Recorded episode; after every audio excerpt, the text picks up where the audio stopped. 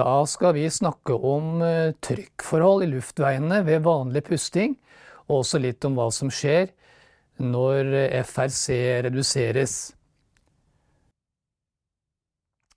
Eh, vi skal ta for oss eh, to figurer, hvor den ene tar for seg litt mer de statiske forhold i løpet av en respirasjonssyklus, mens den andre figuren mer da går på det dynamiske forløpet, altså trykkforandringer eh, gjennom en, en syklus, hvor vi da har en tidsakse på X-aksen her. Men vi starter da først ved det, det mest sentrale lungevolumet, FRC, hvilevolumet så å si, etter et eh, vanlig utpust. Og når vi bestemmer oss for å, å, å, å puste inn, så strammer vi diafragma og dermed får vi et lite undertrykk i alvolene. Og det er det, den trykkforskjellen fra den omgivende lufta som fører eh, luft ned i lungene. Eh, og, og, luft vil gå ned i lungene helt til eh, det ikke lenger er noe trykkforskjell. Så sånn ser da inspirasjonsfasen ut. Er, inspirasjonen varer så lenge det er et undertrykk i lungene. Så, og, og, og på dette tidspunktet da, har vi altså FRC pluss en halv liter. Nå er lungevolumet litt økt, og nå skal vi begynne ekspirasjonen, utpust. Og da slapper vi egentlig bare diafragma. Den går litt oppover. Og det forårsaker et lite overtrykk i alvolene. Og det er det overtrykket som driver luft ut. Og lufta blåses ut helt til ikke lenger er noen trykkforskjell. Og da har vi fullført en vanlig respirasjons, eh, respirasjonssyklus. Så har vi det som er saken, hvis vi ser på denne statiske trykkvolumkurven igjen, det er at i i normaltilstand så puster vi fra et normalt FRC hvor alle luftveiene er åpne, eh, og i den bratte delen av kurven, altså der hvor det er lettest å puste, der hvor man får størst volumøkning av en eh, trykkøkning. En økning i, i transpulmonaltrykket. Nå kan vi tenke oss eh, en situasjon eh, hos en pasient som f.eks. er sengeliggende etter en operasjon. Vi symboliserer det slik. Eh, nå ligger pasienten Ehm, her, ligger, her har vi et sidebilde, men, vi, men, det vanligste er å ligge på ryggen. Og pga. Eh, gravitasjonseffektene så vil da de nederst liggende eh, luftveiene være mm, minst.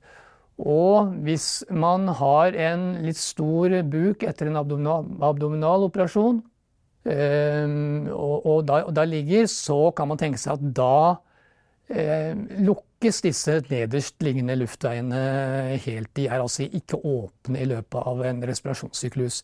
Og det betyr at FRC, det volumet man har, det hvilevolumet, det er da redusert i betraktelig grad.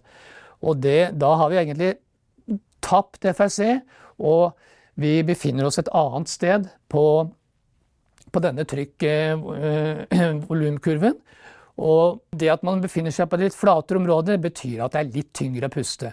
For da må alle de lukkede alvolene eh, forsøksvis åpnes i løpet av en inspirasjon. Det krever litt eh, arbeid. Eh, vel så viktig er at en slik forstyrrelse, hvor deler av lungene er lukket i respirasjonssyklusen, fører til gassvekslingsproblemer. Så dette er ikke noe ønsket situasjon å være i.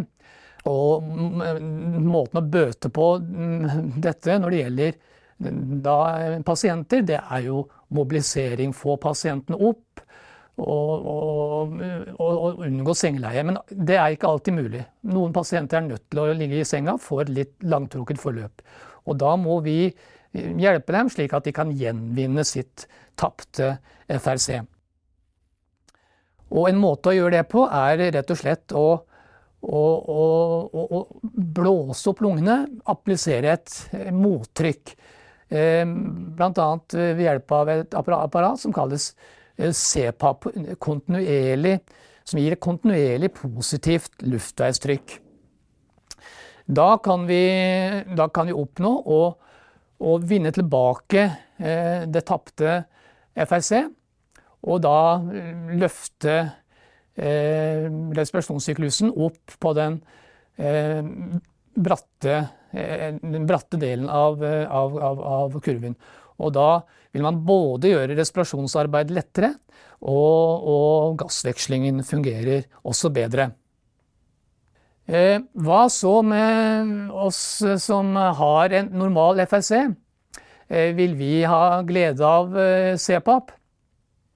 Nei, det vil vi ikke, fordi hvis, du, hvis utgangspunktet er et FRC som er normalt, og du appliserer da et kontinuerlig positivt luftveistrykk på det, så oppnår du bare egentlig å å flytte respirasjonen oppover på kurven til eh, et sted hvor, eh, hvor alvolene er såpass utspilte ved begynnelsen av inspirasjon at du igjen kommer ut på en flat del av kurven. Så det letter ikke respirasjonsarbeidet for en som i utgangspunktet har et normalt FRC.